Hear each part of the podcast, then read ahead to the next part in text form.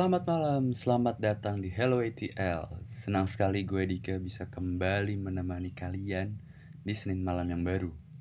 Sudah memasuki pekan terakhir di bulan Ramadan.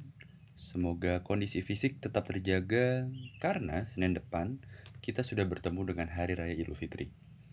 Buat yang belum tahu, inilah tempat untuk ngobrol-ngobrol santai tentang keluarga, apa pun itu topiknya. Mau dari yang ringan, receh, ataupun yang berat permasalahannya. Oke, hari ini gue tidak akan intro bertele-tele karena kita akan menyelami kehidupan seseorang yang tinggal di Banjarmasin, yaitu salah satu sahabat gue bernama Adun. Ia adalah anak tunggal juga seperti gue, tetapi ia berkeluh kesah tentang keluarganya yang ia katakan unik dan disfungsi karena ia mempunyai dua orang tua. Namun ia baru saja menemukan satu fakta di rumahnya yang membuat dia sangat kecewa. Mungkin akibat akumulasi dari kejadian-kejadian yang telah ia lalui juga. Dan Adun di sini ingin berbagi rasa dan ceritanya bersama kalian.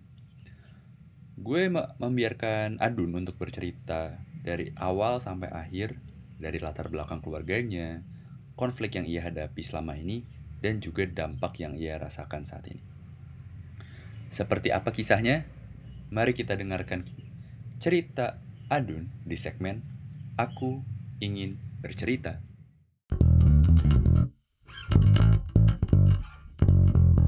Saat ini ada yang mau cerita eh, sudah menghubungi gue beberapa hari yang lalu.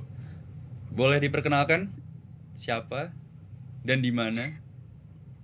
Oke, siap. Ya, Assalamualaikum warahmatullahi wabarakatuh. Teman-teman pendengar podcast ATL semua. Perkenalkan, eh, nama gue Adun. Eh, gue eh, seorang budak industri sepak bola yang kebetulan juga teman Dika waktu itu eh, magang di federasi sepak bola tertinggi di Indonesia. Dan kali ini gue mau cerita Hmm? tentang ya tentang masalah keluarga seperti itu aja sih kayaknya. Bukan cerita tentang bola ya? Bukan, Oh, bukan. ya? Ini bukan bukan wadahnya. Nanti kalau eh, cerita tentang bola nggak nggak nggak nyampe sejam ini. Bisa Oh, iya. berjam-jam kita bicara. Oh, benar, udah kayak kuliah ya. Oke, eh ini lu lagi di mana nih? Lagi di Jakarta atau lagi di Banjarmasin? Eh, gue di Banjarmasin eh, udah udah selama setahun ini udah kerja di klub lokal di sini. Oke. Jadi ya selama ini juga nih selama pandemi juga kompetisi diliburkan. Jadi ya tidak ada kegiatan yang berarti lah istilahnya. Tidak ada kegiatan berarti ya pokoknya. Tapi lu puasa lancar? Lancar, alhamdulillah lancar. Alhamdulillah lancar ya. Oke, Iya. em, kemarin gue sudah membaca cerita lu ya. Lu kemarin sudah cerita ke gue. Dan boleh gak sih lu sharing lagi ke- kepada para pendengar apa sih yang pengen lu ceritain? Ada apa gitu? Oke. Eh, dari mana ya gue mulainya ya? Eh, kira-kira Hmm? bisa dari awal dulu lah ya, sedikit tentang gue ceritanya. Hmm, boleh boleh.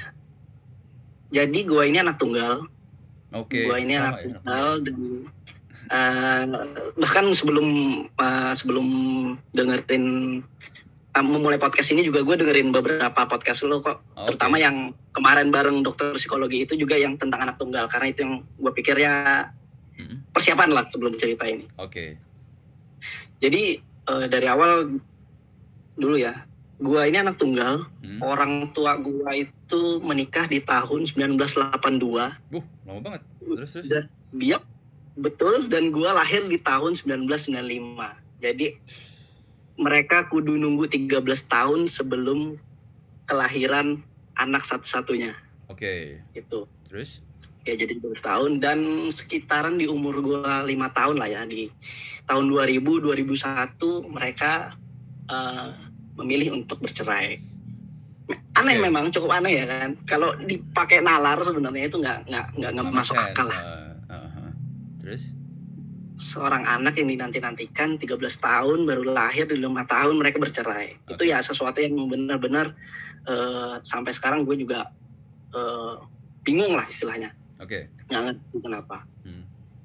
Terus eh gue tinggal deng- eh, dengan ibu gue Hmm. memilih tinggal dengan ibu dan relationship gue sama uh, bokap juga baik-baik aja sih sebenarnya jadi uh, bukan tipe yang gimana ya yang terlalu problematik lah istilahnya dalam dalam perceraiannya itu nggak nggak nggak nggak nggak ada masalah sih Hmm. tapi sebenarnya memang uh, salah satu alasannya juga karena affair sebenarnya Sorry, itu Jadi- alasan affair itu sudah lo tahu dari dulu kah?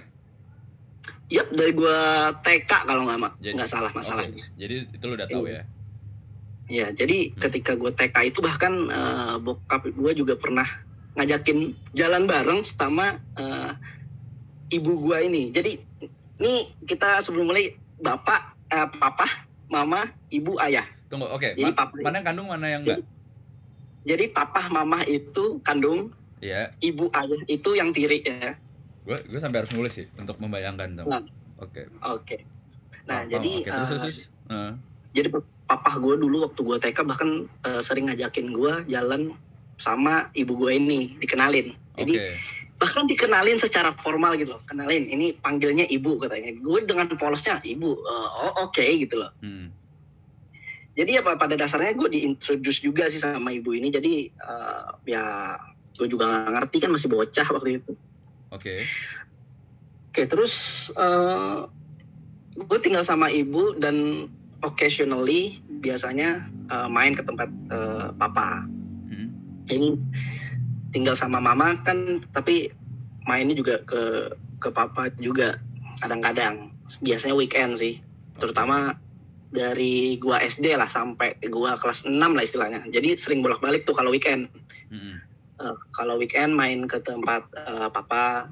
Iya. kalau weekdays ya tinggalnya sama mama gitu. Oke. Eh, oke. Jadi gue dilahirkan dari keluarga yang memang eh, gimana ya? Eh, memang tidak sempurna. Hmm. Eh mama sosok gue pikir mama sosok yang kuat Oke. tapi tidak pernah terbuka sama gue gitu loh Sampai sekarang. sampai sekarang Oke. apa pun halnya apa pun itu kayak nggak terbuka gitu loh masalah apa pun itu Hmm. dan itu cukup eh, membuat gue frustasi gitu loh jadi gue kayak merasa nggak dilibatkan dalam apa ya istilahnya ya kayak ya dalam keluarga inilah istilahnya gitu loh Oke. dalam keluarga kecil gue gitu loh jadi gue nggak nggak nggak pernah merasa kayak ah gue nggak penting dan gue juga bukan tipe orang yang kayak ngebet gitu loh kayak Hmm. gue pengen tahu ini dong gitu loh Ya, tapi ya. gue karena gue lihat ibu gue kayak gitu eh mama gue kayak gitu ya eh, ya udahlah gitu loh gue lebih banyak ya udahnya gitu loh Hmm. timbang anunya karena eh, itu yang yang buat gue kesul- kesulitan memahami eh, eh, pro- semua problem gitu. Nggak nggak nggak cuman relationship ya masalah finansial apa pun itu itu yang bikin gue kesulitan sih pada dasarnya gitu. Oke. Eh, semenjak cerai papa langsung menikah sama eh, ibu. Sedangkan mama itu di um, eh, di tahun 2004 sekitar gua SD kelas 4 lah ya. Gua SD kelas 4 kelas 5 itu mama ketemu ayah. Oke. Nah, dan mereka merit gitu Hmm. dan sebenarnya gue keberatan gitu. Waktu SD itu gue keberatan gitu loh. Gue nggak nggak setuju dan gue nggak mau karena eh, waktu kecil gue pernah witness eh, Hmm. apa sama mama kayak berantem. Maksudnya berantem adu mulut aja gitu loh. dan itu kayak cukup eh, apa sih istilahnya? Kayak impactful lah ke gue gitu loh. Kayak gue sampai bahkan sampai sekarang pun masih ingat baju apa yang dikenakan mama waktu itu. Baju Snoopy warna putih ada biru birunya Hmm.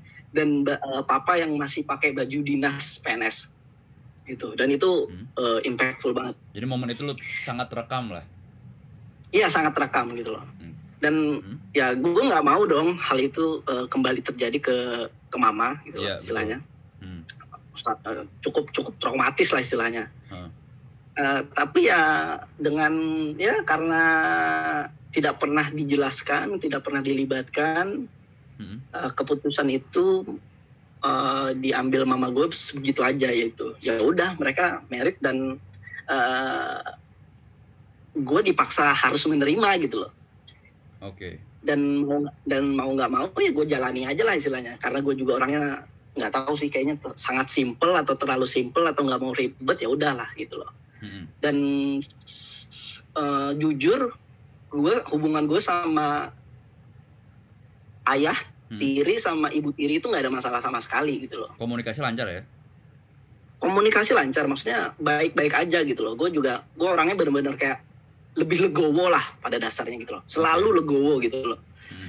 jadi dan maksudnya hubungan gue ke ibu juga baik-baik aja meskipun gimana ya eh, dari yang dokter apa dokter psikologi kemarin jelasin untungnya nyokap gue tuh lebih dewasa gitu loh. Maksudnya kedua orang tua gue ini dewasa nggak pernah ngejelekin satu sama lain gitu loh. Oke, jadi kooperatif lah ya. meskipun iya iya meskipun eh, ya mama eh, mama lebih dispice lah sama si ibu ini. Kayak lebih ngejelek-jelekin lah istilahnya ya kan? Iya, iya. tapi ya gue karena karena gue ya merasa ya udahlah udah sih mah gitu loh istilahnya. Jadi gue lebih eh, apa sih istilahnya lebih ya udahlah gitu loh Let's say cerita ini yang lu ceritakan ini sampai ke lu kelas berapa? eh apanya nih yang meritnya ya Ya, let's say kan ketika lu apa ketika em, orang sorry nyokap lu, mamah lu ya, mama lu itu Iya. merit, itu kan pas lu SD ya, bener ya? Eh, iya bener ya, SD? SD Ah. Dan selama sampai lu SMP, SMA hingga kuliah tuh lu menemukan sesuatu lagi nggak di balik itu semua? Atau ya udah lu bisa bisa bertahan Oh. dengan situasi Ya. orang tua lu orang tua kan lu sudah mempunyai pasangan dan lu harus membagi atensi lu untuk empat orang gitu. Oke, Eh, oke, gue menyikapinya cukup eh, dengan cukup dewasa sih sebenarnya. Jadi memang eh, nggak ada masalah sebenarnya. Cuman memang ada lebih lebih problem problem gue itu sama papa itu memang relationshipnya agak agak complicated sih. Oke. Jadi papa itu bukan tipe orang yang gimana ya? eh, dia tipe orang yang sangat sensitif gitu loh. Dan gue nggak bisa jelasin ini dalam bahasa daerah gue Hmm. eh, da- dalam bahasa Indonesia cuman dia orangnya yang kayak eh overly sensitif lah istilahnya gitu loh sangat-sangat sensitif jadi eh, suka dia nggak nggak pernah ngeluarin kata-kata yang yang kotor kalau marah sama gue cuman Hmm. dia lebih suka eh, gimana ya kata-kata yang bikin sakit hati lah Oh istilahnya iya gitu. iya iya. Oke ngerti. Nah. Sakit hati oke. Jadi kan karena gue berpisah nih, gue dan gue ikut ibu, eh, gue ikut mama. Hmm. Jadi gue tuh punya kewajiban sejak kecil itu selalu nelpon ke papa gitu loh. Oke. Pokoknya selalu telepon papa, entah itu dua hari sekali, tiga hari sekali atau apa gitu loh. Hmm. Tapi kalau gue miss sehari aja, Ya. itu diomelinnya minta ampun kayak apaan sih gitu loh kayak eh, lupa sama papa ya eh, udah nggak sayang sama papa ya dan Oh. itu hal-hal yang lah simpelnya gitu loh tapi Lalu- yang bikin eh, eh, Padahal itu sepele ya sebenarnya. Iya, kayak hal-hal yang sepele itu loh, kayak Iya iya apaan sih? Dan itu gua nggak pernah ngelawan sama sekali. iya. iya. Seumur hidup gua nggak pernah ngelawan sama sekali. Eh, cuman sekali gua pernah melawan dan itu di tahun 2016. Nanti kita akan ke situ aja. Oke. Terus terus. Eh, terus eh, hubungan gue sama ibu dan eh hubungan mama sama ayah selama SD, SMP, SMA ya nggak ada masalah. Aman. kayak bener-bener menjalani dengan apa adanya aja gitu loh kayak dan interaksi gue juga eh, cukup cukup normal aja sama ayah gitu loh. Karena kan gue eh, dari kecil kan nggak punya punya role model nih. Betul. So, nggak nggak punya role model sama sekali. Jadi ya ya mau nggak mau ya ayah dah nah, dan dari pernikahan mama sama ayah ini gue punya adik tiri dan kakak tiri sebenarnya. Oh. kakak tiri tapi beda jauh so beda 9 tahun ya. Jadi nggak terlalu deket. Sedangkan gue deket sama yang adik tiri gue ini Oke. jadi setahun setahun di bawah gue lah istilahnya Hmm. gitu Eh ya gue istilahnya dapat adik baru lah nggak nyangka gitu loh sebagai sebagai anak tunggal kan gue dilahirkan sebagai anak tunggal terus tiba-tiba punya empat orang apa empat empat orang tua terus tambahan satu adik Ya. yang tidak gue sangka-sangka gitu kan Heeh. Eh, ya di situ gue bonding sama adik gue sih. Jadi bonding tetap jalan dan eh, surprisingly kayak malah deket banget kayak kayak adik kandung sendiri gitu loh adik tiri gue ini So, sorry, ini jaraknya be- berapa tahun sama kakak tiri lo dan adik tiri lo? Eh, gue sama adik tiri gue cuma setahun doang di bawah dia di bawah Oh, gue Cewek? yang ah cewek Oke. yang kakak itu 9 tahun kayaknya Oh, jauh banget. Oh, jauh banget jauh banget hmm. dan ya semuanya berjalan dengan normal baik-baik saja Hmm. eh, nggak ada masalah sama sekali gue sama eh, ayah sama adik tiri ya paling ya quarrel-quarrel sedikit lah istilahnya kayak eh, apa kayak siblings biasa lah istilahnya berantem berantem Oh, gitu-gitu iya. aja Ah, ah, ah. Oke. Eh, terus ayah gue kalau gue pikir sih ayah ini orang yang baik-baik aja sih karena nggak pernah jahat juga sama gue nggak pernah marah-marah nggak Hmm. pernah ada nggak ada pernah insiden yang berarti ya Hmm. bener-bener Hmm. ayah yang baik aja gitu loh diem aja orangnya gitu loh dan suka bercanda aja gitu Hmm. seperti itu gitu Eh, terus eh sedangkan sama eh, sekarang kan gue nih tinggal sama mama nih masih nih Yap. Eh, semenjak lulus kuliah dan eh, sempat magang kemarin di Jakarta dan kerja juga nih sekarang nih Oke. jadi sekarang untuk sekarang dulu dan sekarang gue akui dulu situasi finansial gue lebih kuat dulu waktu kecil Oke. Jadi semua apa sejak SD, SMP, SMA bahkan kuliah, kuliah satu tahun dua tahun awal itu gua dibiayain sama mama. Mm-mm. Jadi nggak, jadi istilahnya eh, apa sih? eh, ya papa paling bantu-bantu dikit-dikit aja lah istilahnya gitu. Oh. Jadi dulu, ah, jadi memang secara finansial fi- finansial gue dibantu sama mama. Hmm. Se- tapi semenjak gua di tahun kedua kuliah Hmm. eh, sedikit ada financial cri- crisis dari eh, dari dari mama Oke. yang memaksa itu papa yang ambil alih secara finansial waktu zaman gua kuliah di tahun kedua kalau nggak salah. Oke. Jadi istilahnya dan sekarang itu secara finansial juga masih struggling lah istilahnya untuk dari pihak mama ya. Oke. Dan dan papa gue juga mulai rada concern sih sebenarnya dengan dengan keadaan di rumah gitu loh karena eh, apa sih eh, kayak mempertanyakan tanggung jawab ayah gue di rumah ini Iya betul. Ah, seperti itu. Oke. Nah, eh, ya papa selalu menaruh concern yang sangat lebih sih ke gua Oke. gitu loh eh, beberapa tahun terakhir ini karena eh, karena financial crisis yang gua hadapi sekarang gitu loh. Oke. Oke. Tapi ya, eh, tapi ya gue juga orang lu tahu sendiri kan kita anak tunggal Mm-mm. dan cowok. Yep. Kita harus sangat strong dan tidak ada pilihan lain selain strong gitu loh. Iya betul. Setuju. Setuju. Jadi- Setuju. jadi gue menghadapi sem- semuanya ini dengan penuh optimis walaupun semuanya emang berat seberat beratnya gitu loh Ya susah sesusah susahnya betul. gitu jadi jadi eh, memang eh, financial crisis ini yang eh, yang luar biasa lah istilahnya gitu loh Mm-mm. bahkan kayak apa sih eh, kayak listrik wifi terus eh, bahkan air pun sempet ngadat bayarnya gitu loh Oh oke. hal-hal yang seperti itu gitu loh Eh, sorry. dan Sorry Dun. Hah? Mama itu kerja apa?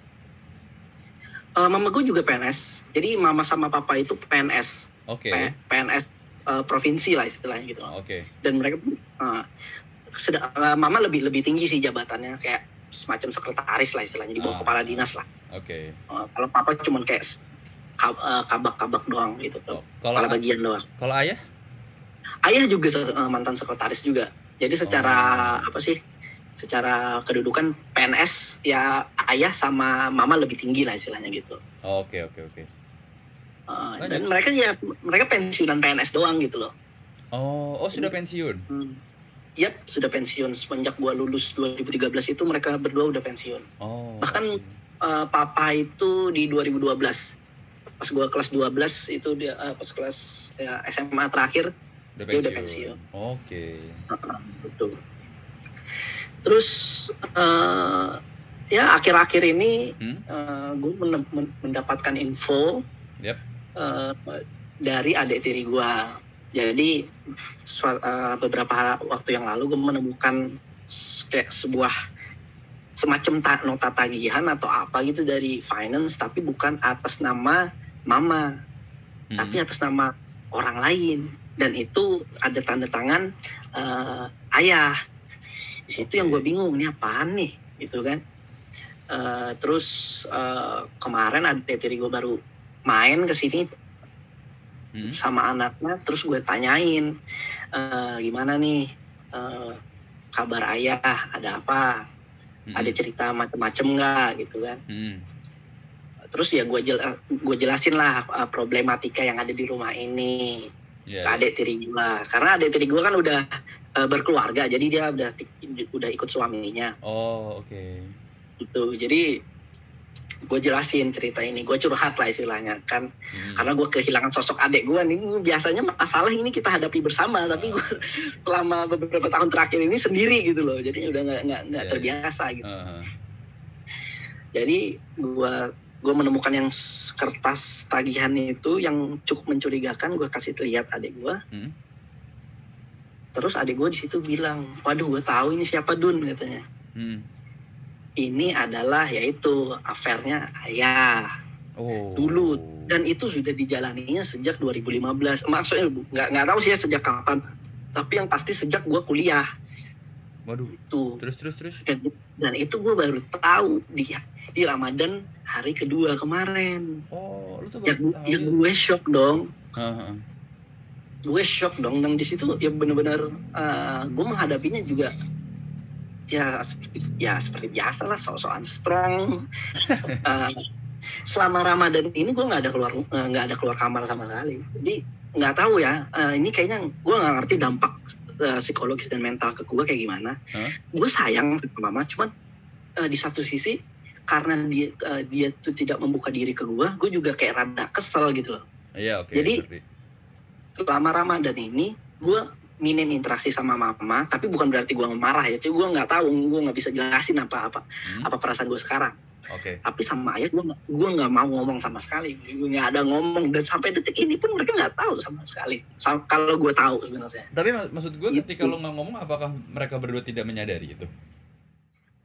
pasti menyadari kayaknya ya yang pasti sih ayah gue menyadari karena kalau gue nggak ngomong artinya gue me- me- memang lagi marah maksudnya waktu lagi kecil dia pernah pernah kayak gitu aja lah istilahnya gitu Oh, ya, oke oke terus. udah udah tahu lah patternnya cuman mungkin nggak tahu sampai detik ini dia juga nggak tahu gitu loh Mm. dan itu yang bikin gue kesel banget kayak selama ini gue kayak merasa di di apa ya dihianati lah istilahnya gitu loh sama ayah. karena iya sama ya sama ayah sama mama dan kayak bener-bener eh, bikin pusing lah istilahnya gitu loh Ya ya ya. karena gue juga di apa ya kerjaan gue kan di industri bola lu tahu sendiri kan maksudnya Betul. ya secara finansial juga nggak nggak kuat-kuat banget ya biasa aja lah ini cuman sekedar sekedar seorang eh, seseorang yang naif penuh mimpi aja mengejar mengejar apa eh, cita-cita untuk membuat sepak bola Indonesia lebih baik aja gitu loh jadi kan I see. istilahnya lu tahu sendiri pasti there's no money in it you know Yep. only foolish dream lah istilahnya gitu loh Yep. Jadi nggak bisa berharap banyak juga secara finansial sama gua Hmm. tapi kan sebagai anak tunggal ya gue punya kewajiban lah istilahnya untuk eh, apa sih eh, at least to make everything better lah di sini gitu loh Oke. A- apa kalau Ya, tidak itu. cerita ke kakak tiri lo? gue nggak cerita ke kakak tiri gue tapi eh, nggak nggak ada cerita sama sekali bahkan gimana ya gue nggak punya nggak punya seseorang yang eh, temen untuk yang cerita gitu loh Eh, cuman pacar pasti untungnya gue juga baru-baru ini juga udah punya pacar. Jadi gue ceritanya sama pacar gitu loh. Dan ya ada sahabat juga satu dan ya mereka juga bingung gitu loh nggak bisa ngasih solusi karena eh, setiap punya masalah ya gue cerita ke sahabat gue ini Hmm. dia juga nggak bisa ngasih solusi karena budaya keluarganya nggak kayak gitu. Dia keluarga budaya eh, bu- keluarga budaya mereka itu kayak terlebih terbuka gitu loh lebih terbuka di sini loh ini ada problem di sini sini sini dijelasin lah istilahnya Oke. sedangkan eh, orang tua gue ya memang rada tertutup jadi gue nggak ya bingung lah istilahnya Ya, ya. lost sendiri aja gitu dan bener-bener dipendem sendiri aja dan gue takut ini bener-bener jadi penyakit ntar gitu loh Iya ngerti. dan eh, kenyataan itu gue terima di eh, Ramadan kedua Hmm. bulan ini baru banget dan itu kayak bener-bener kayak shock terapi lah Heeh. Gue ya nangis sekejar-kejarnya gue Oh, heeh. dan gue kalau gimana ya kalau lagi sedih gitu biasanya sih ngalor ngidul sih jalan naik mo- motoran ke mana ke sana kemari lagi di masa psbb gini gue gue bodo amat Mhm. dan ya nggak ngerti aja gitu loh dan baru kemarin pas dengerin podcast lo tentang psikologi keluarga baru gue oh oke ini saat yang tepat untuk menceritakan semuanya Detik, ini pun tertrigger. nggak ada ini ini eksklusif nih artinya nih. Ini Oh, info iya, iya. eksklusif nih. A1 nih infonya nih. A1 ya, A1. Iya. Ring satu. Tapi kalau gue boleh kalau kalau gue boleh nanya, itu si cewek ini, si cewek yang lu bilang affair-nya ayah lo tuh apa yang lo Hmm. tahu tentang si cewek ini dari adik tiri lo? Wah, gue nggak tahu sama sekali sih. Tapi yang gue tahu sih, eh, maksudnya yang adik gue cerita dari zaman gue kuliah udah mulai. Bahkan di- waktu gue di PSSI kemarin, Ya. kayak literally du- dua tahun yang lalu apa ya? Ya ya. Heeh. Maksudnya itu fresh banget kan istilahnya. Kayak Ya, baru dua tahun gitu dan itu dan gue nggak juga nggak mau tahu info lebih banyak gitu loh. hmm, Ya udahlah istilahnya uh, shit happens gitu loh. setuju. Dan gue coba eh yang nggak tahu sih, gue coba mencoba sedewasanya guanya aja lah istilahnya gitu. Gue juga nggak ada ngamuk-ngamuk marah-marah itu nggak jelas emang ya pada dasarnya gue juga nggak nggak mau lah kayak gitu istilahnya gitu loh. Iya iya. hal-hal yang kayak gini gitu loh istilahnya. Ya gue nggak nggak nggak menyangka aja di titik s- seperti ini tiba-tiba ada eh, masalah baru gitu loh. Dan kenyataan pahit yang benar-benar harus gue terima gitu loh dan gue hadapi gitu loh. Tuh, lu, lu aja sih. ketika lu me- apa ini gue gue bertanya cukup personal. Ketika lu merasakan ini Hmm. semua sampai lu mengurung diri. Hmm. Oke, kalau gue breakdown, lu eh, papa mama lu sudah bercerai dari awal lalu eh, masing-masing mempunyai pilihannya gitu dan sampai sekarang ternyata lu mengetahui mama lu dikhianati lagi gitu. Iya Yang paling bikin lo marah tuh sebenarnya apanya? apa ya? Eh, yang bikin gue marah itu Paling lu bikin kesel banget sampai kayak "Huh," gitu. eh, gini eh, tanggung jawab ayah gue gitu loh. Oke. itu yang gue pertanyakan karena eh, ini nggak apa-apa ya gue orangnya terbuka aja sih Oke.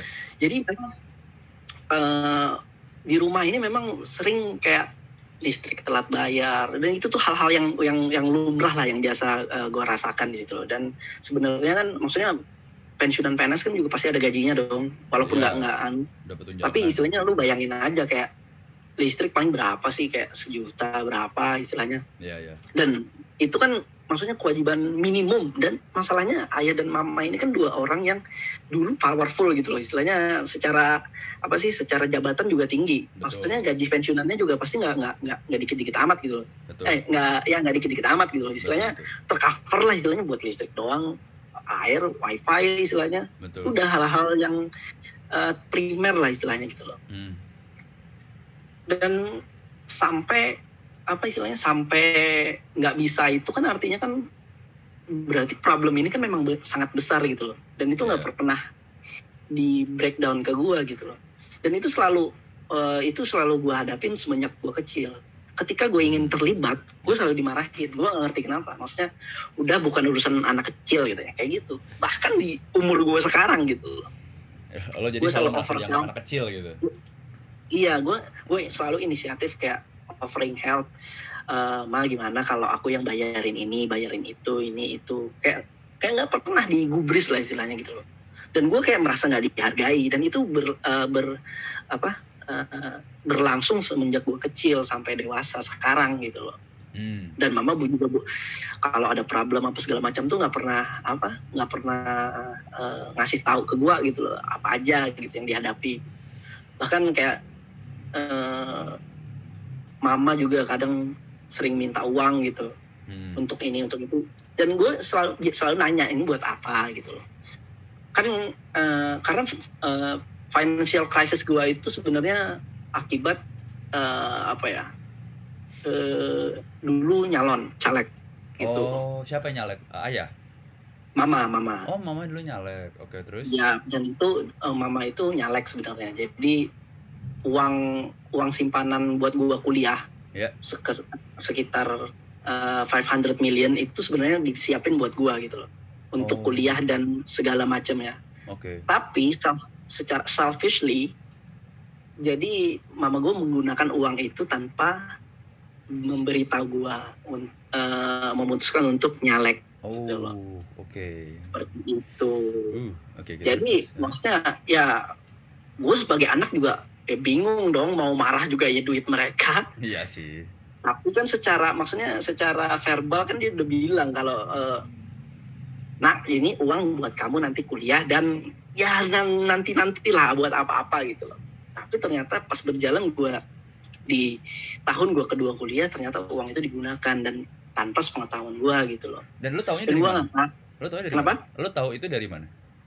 di 2014 waktu pencalonan itu Oh. dan dan gue figure out sendiri loh karena Hmm. mah uang pakai siapa kalau nyalek kan ah, gue udah bilang jangan jangan gimana Hmm. gue udah gue udah bilang bahkan papa pun juga concern gitu loh jangan lah istilahnya ngapain gitu Hmm. Terus? dan akhirnya terjadi gagal dan gue nggak tahu maksudnya kan biasanya kan kayak sering yang di, di berita-berita itu kan kita lihat caleg yang ngutang sana ngutang sini gitu Iya, iya, iya benar. lu tahu nah istrinya ya lu tau lah dramanya kayak gimana Iya, kan iya, waktu kalau stres gitu-gitu kan. pencalonan nah hal-hal yang kayak gitu yang sebenarnya gue pengen tahu tapi ya ya nggak pernah terbuka aja gitu loh Hmm. dan itu yang bikin gue cukup stress out gitu loh dan Iya, iya. untungnya papa juga ya masih sering bantu lah istilahnya papa papa, papa masih sering bantu gitu loh meskipun ya kita secara eh, secara hubungan juga rada complicated tapi gue ya satu hal yang pas eh, yang gue yakin itu papa tuh sangat sayang sama gue meskipun dengan sikap eh, dengan sifatnya yang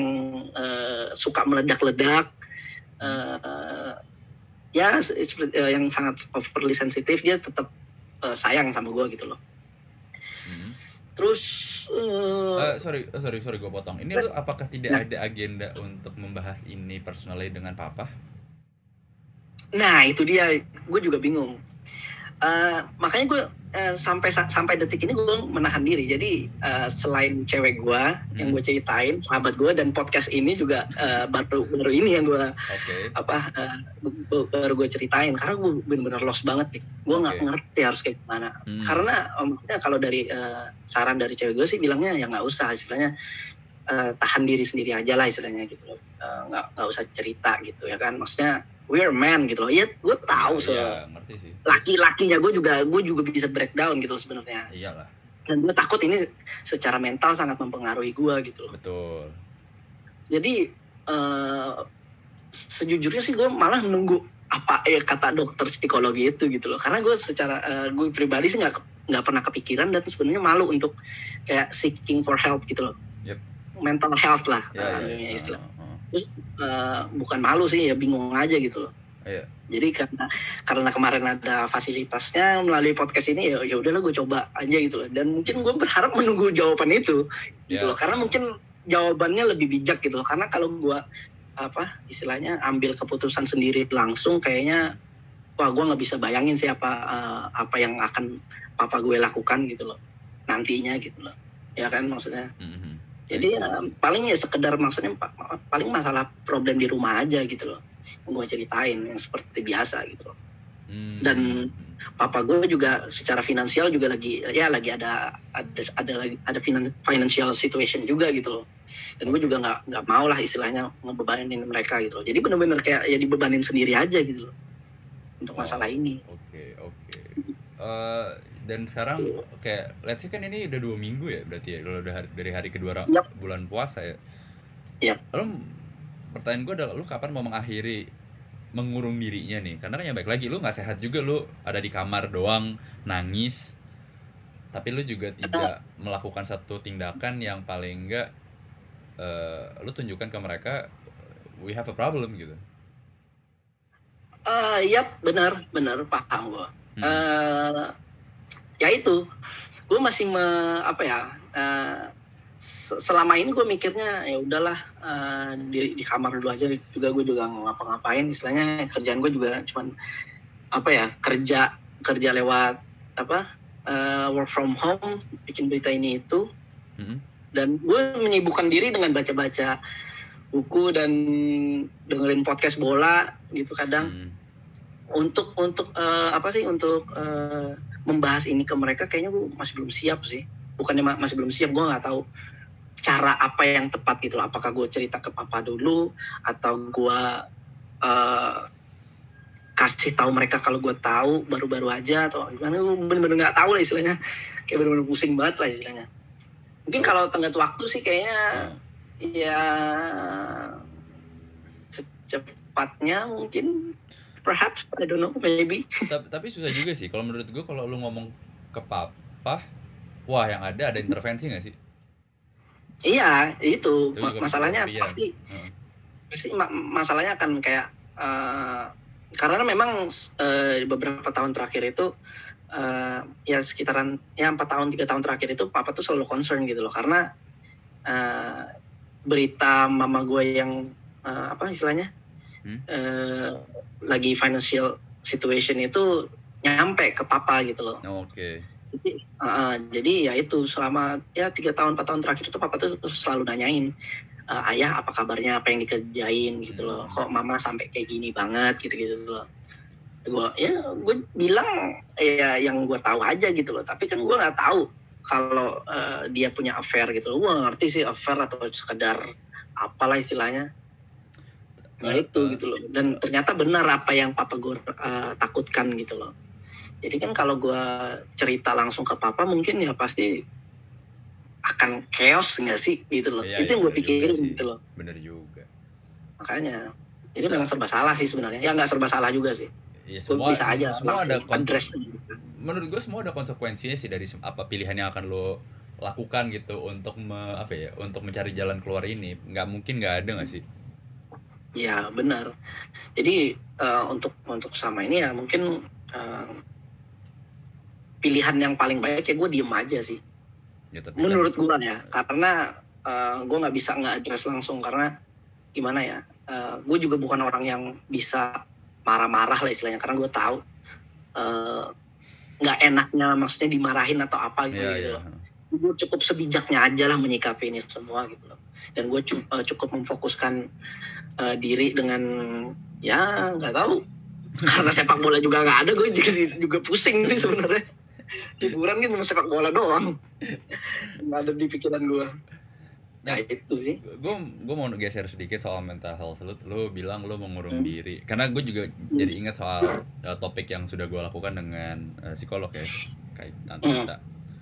Dari lu sendiri apakah lu lu apakah lu sudah sampai kepikiran eh gue sangat stres gue sangat depresi gue butuh sesuatu yang Ah, lu sudah, sudah sampai level itu gak sih? Se- sedepresi itu sudah sampai level oh. setinggi itu nggak gitu loh? Nah itu dia. Yang gue rasakan semenjak gue tahu itu di Yep. 6 mati rasa mati rasa. Itu yang itu yang ah itu bener-bener mati rasa gue gak ngerti ini makanya gue cek kayak apaan ya? Kayak kayak eh, dari emang dari kecil gue eh, emang sering suka nangis sendiri terus kayak apa ya ya depresi gitu gitulah Hmm. macam-macam. Dari kecil gitu memang. Cuman eh, istilahnya ya kan yang serem kan biasanya kan karena hal-hal yang apa broken home ini kan biasanya ada yang commit suicide juga kan. Betul. Tapi untungnya i- ima, iman gue sangat kuat gitu. Dan gue juga ber- takut untuk mati gitu loh. Karena gue juga kayaknya nggak alim-alim banget. Jadi eh, jadi gue untuk untuk commit suicide sih nggak nggak pernah kepikiran. Walaupun pernah pernah ya maksudnya pernah kayak kepikiran kenapa ya orang bisa gitu loh.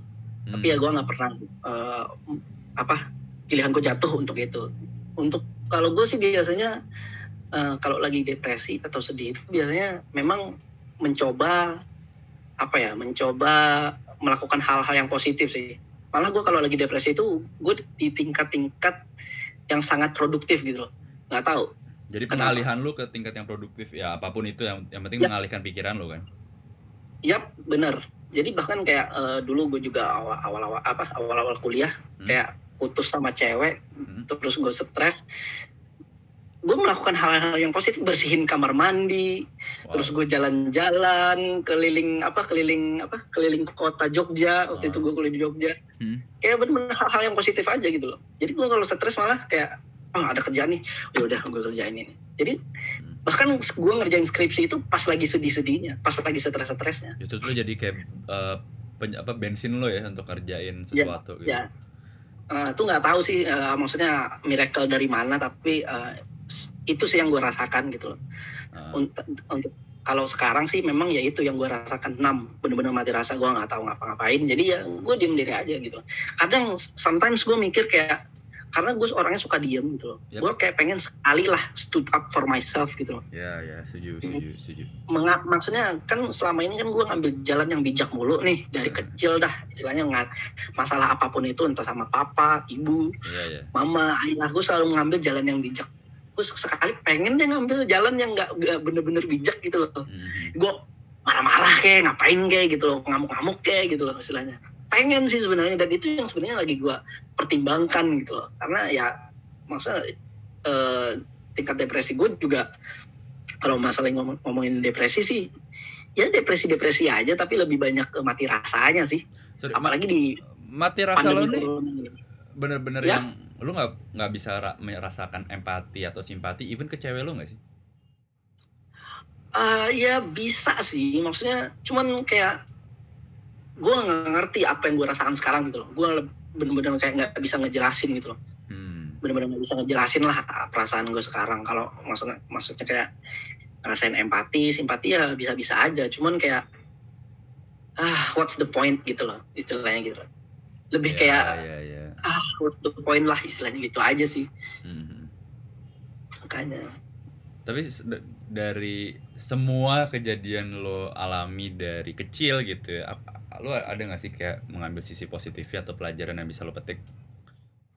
sebenarnya gue dari kecil itu emang udah ngambil selalu ngambil segala sesuatu tuh hal-hal yang positif gitu loh Hmm. bahkan kayak gue gue memaknai hidup gue tuh gue akan menjadi seseorang yang sangat penting maksudnya gitu loh Oke. karena lu bayangin gue 13 tahun eh, orang tua gue 13 tahun nungguin gue Hmm. terus gue lahir Hmm. lima tahun kemudian mereka cerai kan Yep.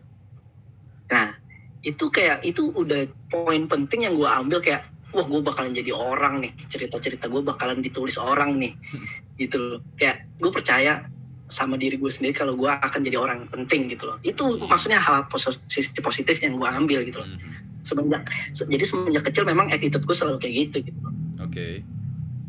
jadi ya eh, menganggapnya semua masalah yang gue hadapi ya menjadi ya batu loncatan gue aja biar lebih anu gitu loh. dan sejauh ini sih gue strong strong aja gitu loh karena kan ya Allah juga nggak mungkin ngasih cobaan yang apa yang kita nggak bisa hadapi dan gue optimis aja sih gue bisa menghadapi Bener. cuman Hmm. gue pengen sesekali untuk tidak bijak gitu loh Tidak dijudge gitu. ya. itu iya iya ngerti. be mental for once gitu loh Uh, be berserk gitu loh for once gitu Ya, loh ya, paham, paham. Ya, ya lu Ya, ya, itu. manusia tuh punya batasnya untuk diam, Dun. Gua ngerti. Makanya Iya. lu jangan jangan kelamaan diam gitu. Terus lu stres. Iya.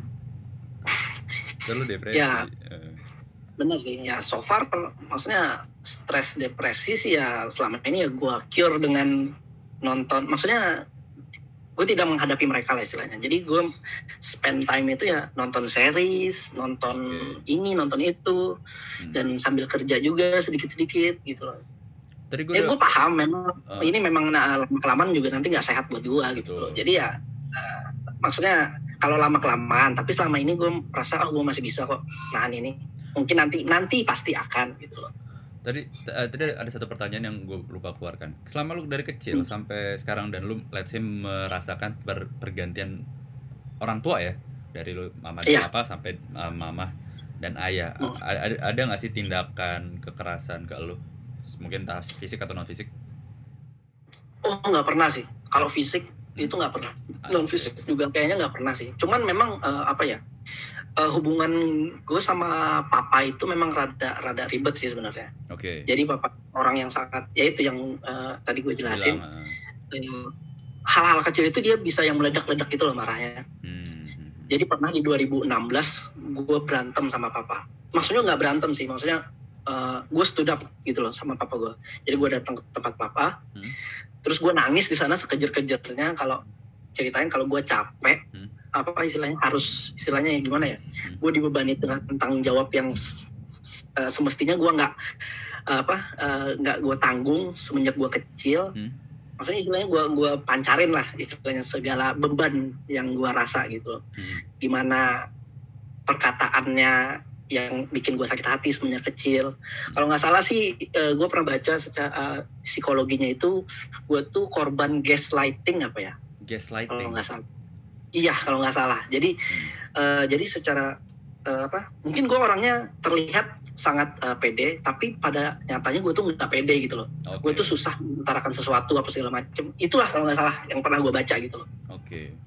dan di titik situ pun bokap gue juga masih eh, papa juga masih kayak eh, masih bener-bener keras kepala gitu loh. Kayak Hmm. enggak enggak ini eh, kamu aja yang gini gini gini gini gitu loh. Istilahnya masih membebankan ke gue gitu loh. Setelah gue apa nangis nangis kejer gitu eh, jelasin perasaan gue dan di, di, di titik situ gue kayak udah kayak give up.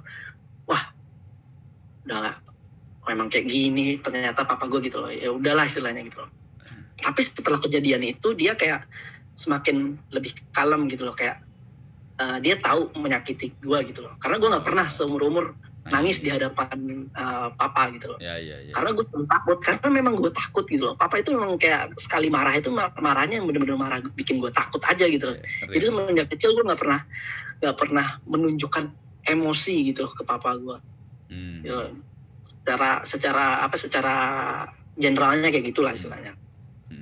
dan di 2016 itu yang bikin eh, yang gue nangis nangis gitu loh Yep. Dan eh, pas gue pulang Hmm. ke mama dan gue ceritain kalau apa yang gue hadapi maksudnya gue nangis ke papa Yep. ya itu akhirnya mama cerita ya itulah mama nggak pernah jelek-jelekin papa biar kamu tahu sendiri papa kayak gimana gitu loh Iya, biar nah biar di situ maksudnya gitu eh, ya. ya, nah, eh, you experience it first hand gitu loh Ya ya ya, ngerti. Heeh. nah jadi di- maksudnya ya oh oke maksudnya ya mama lebih bijak lah istilahnya ya keduanya sama-sama bijak dan ada tidak bijaknya juga gitu loh Hmm. di situ yang uh, istilahnya mem- membuat gue uh, memaknai kayak uh, apa sih istilahnya masalah ini kayak bikin gue lebih jauh lebih dewasa gitu Oke. tuh terus uh, bahkan bahkan Hmm. di tahun kemarin tahun kemarin di- ini tahun kemarin banget Ya. Uh, bulan puasa Hah? Uh, apa hari raya hari raya eh, bulan puasa kemarin gue Yep. berantem sama bokap sama papa itu berantem hampir sebulan gue nggak nggak teguran dik gara-gara apa coba Apa? jadi gue itu telat ke eh, apa telat eh, apa ke rumah papa jadi kan Ah. gue nih kalau bulan apa eh, kalau hari raya kan biasanya lebaran main ke tempat keluarga mama dulu nih Iya. ya kan tapi gue memang rada telat ke tempat papanya gitu loh. Telat doang dan terus di situ gue nggak di nggak digubris dong sama papa waktu nyampe ke tempat papa. Bener-bener gak kayak kayak kayak nggak kenal aja gue datang ke situ dan kayak nggak nggak dianggap gitu loh. Kayak bener-bener gue dipermalukan di situ. Dan Gila. gue di situ marah dan di situ gue eh, akhirnya gue marah-marah dan apa istilahnya eh, istilahnya ya gue marahnya juga lewat chat doang. Kayak eh, gue utarain se- se- segala sesuatunya dan di situ juga setelah itu sebulan kita maksudnya gue stood up bener-bener stood up itu itu kan bener-bener pilihan yang nggak nggak nggak wise itu Iya iya. itu kan istilahnya ya for once for my mental health gitu loh Yap. gue eh, ngambil pilihan yang yang nggak lumrah aja lah Iya iya. dan di situ gue satu bulan bener-bener satu bulan nggak teguran sama sama papa Hmm. akhirnya ya ya akhirnya gue maksudnya gue sendiri yang balik ke papa dan nggak ada sebenarnya nggak ada minta-minta maaf lagi gitu. Ya udah. Balik jalan seperti biasanya aja. Biasanya. dan di, kayak nggak nggak pernah digubris aja. Hmm. kayak kita berantem eh, ya udah. Tidak ada minta maaf minta maaf. Semuanya berjalan kembali seperti normal gitu loh. Tapi setelah kejadian itu papa lebih jauh lebih lebih kayak lebih nggak berani gitu loh sama gue Oh, Jadinya. lebih benar hati-hati lah istilahnya. Iya iya. Lebih mengenal lo lah ya. gitu. Iya betul. Kayak kayak kayaknya lo dan bap papa lo tuh sama-sama sentimental ya orangnya ya. perhaps I guess. Tapi ya itu gue nggak ngerti gitu. Dan itu sa- satu, satu hal yang gue takut sebenarnya.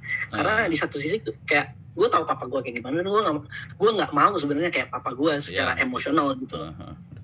nah gitu. Itu yang bener, yang sebenarnya gue takut gitu loh. Jadi ya se- sejauh ini ya ya gue mencoba menjadi apa ya menjadi diri gue yang terbaik aja lah istilahnya buat orang gitu loh Hmm. karena gue takut aja gitu Oh, Oke. Eh, pertanyaan terakhir dari gue. Sejauh mana sih peran pacar lo dalam masalah ini? ah sangat sangat berperan sih jauh karena gue pada dasarnya kan kayak gara-gara apa yang gue hadapi ini kan gue nggak pernah percaya lah dengan relationship dan segala macamnya marriage life apalagi Yep. dan maksudnya eh, terus gue eh, enam bulan terakhir ini dapet cewek Hmm? bener-bener impactful sih kayak Hmm. eh, bikin gue tambah kuat sih sebenarnya salah satu alasannya itu sih Oke. Jadi, itu sih yang sangat sangat berpengaruh jadi at least lo merasa kehadiran cewek lo ini menolong lo lah gitu. sangat sangat menolong gua sih sebenarnya Oke. lain itu ya itu Oke, eh, Hmm. ini kan pasti gua akan kasih ke psikolog ya. Ya. Eh, ya namanya Tante Ita itu karena kan pasti Hmm. nanti akan ada satu sesi untuk membahas ini. Lalu mau Hmm. melemparkan pertanyaan? apa ya eh gue minta pertanyaan how to be weak aja deh How to be apa? gitu weak weak lemah Oh, oh weak. Weak lemah. Iya itu eh, itu aja sih kayaknya mungkin How to- untuk untuk ini ya karena gue juga bingung mau mau nanyain apa gitu Oh, oke oke oke. Pokoknya nanti akan kita kita bahas lah ini soal disfungsi. Oke, ada lagi yang lo mau tambahin? Eh, udah sih itu aja kayaknya cukup mungkin Cukup. Udah cukup lega? iya ya lumayan sangat cukup lega Sangat jauh cukup. jauh jauh lebih lega Ah, sebenarnya Alhamdulillah kalau bisa membantu untuk yang penting lu lega dulu sih jangan sampai Iya. ya jangan aneh-aneh lah pokoknya iya tenang tenang. Gue juga orangnya nggak bakalan aneh-aneh kok. Paling seaneh dua aneh aja. Ya, ya, ya, jangan pokoknya itu jangan sampai terpikirkan lo harus sampai menyakiti diri lu juga gitu. Jangan Iya. sampai gitu. Iya betul. Hmm. betul. Tenang. Gue gue gue secara apa kon- kondisi mental gue ya baik baik aja. Nggak nggak Ya. nggak nggak sampai yang kayak gitu. Nggak pernah kepikiran kayak gitu kok soalnya. Bagus bagus pokoknya bagus. Ya pokoknya kalau dari gue selama lu punya orang yang bisa di reach out entah entah ke cewek lo sahabat lo atau even ke sini lagi gue Hmm. akan sangat terbuka untuk mendengarkan cerita lu. Yang penting lo baik-baik saja. Siap. Thank you banget Ya. dik. Terima kasih. Gue yang berterima kasih sudah mau percaya dengan podcast ini untuk bis untuk membuat lu lega gitu. Semoga membantu Alhamdulillah, terima kasih Dika sudah memfasilitasi ini uh, podcast yang sangat membantu di saat yang sangat tidak terduga. Uh, sukses terus buat uh, ATL-nya dan ini gue yakin ini terobosan yang satu luar biasa sih apalagi menyinggung apa ya problem yang sebenarnya nggak semua orang tahu lah atau menganggap lah psikologi keluarga itu Amin. kelas di amin amin amin terima Ya, kasih terima oke. kasih untuk Oke. untuk komplimennya thank you oke thank you banget Dun thank you untuk waktunya Oke, Bang.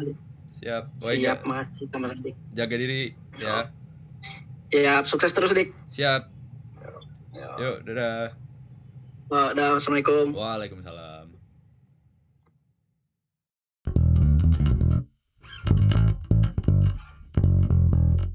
Ketika obrolan kami berdua ini selesai, lagi-lagi banyak pertanyaan yang muncul di kepala gue. Kenapa setelah 13 tahun menanti anak pertama, orang tuanya malah bercerai? Lalu, kenapa ayahnya begitu emosional dan sentimental dengan anak satu-satunya? Bukankah sebagai ayah itu seharusnya memperlihatkan sikap bijak, dewasa, dan tenang demi kenyamanan sang anak meskipun keluarganya tidak lagi utuh? Lalu, kenapa juga ayah tirinya masih ada affair dengan salah seorang wanita meski sudah mempunyai pasangan? Sometimes it does not make any sense at all. Nah, pertanyaan-pertanyaan ini akan diulas lebih dalam pada Kamis besok pukul 19.00 di segmen Tanya Ahlinya yang kembali ditemani oleh psikolog atau praktisi ahli keluarga yaitu Ita De Azli atau biasa gue sapa Tante Ita. Dan di segmen ini juga gue bersama Tante Ita akan menjawab beberapa pertanyaan kalian yang sudah dipilih oleh kami berdua. Buat mereka yang pertanyaannya terpilih, bakal ada souvenir dari kami.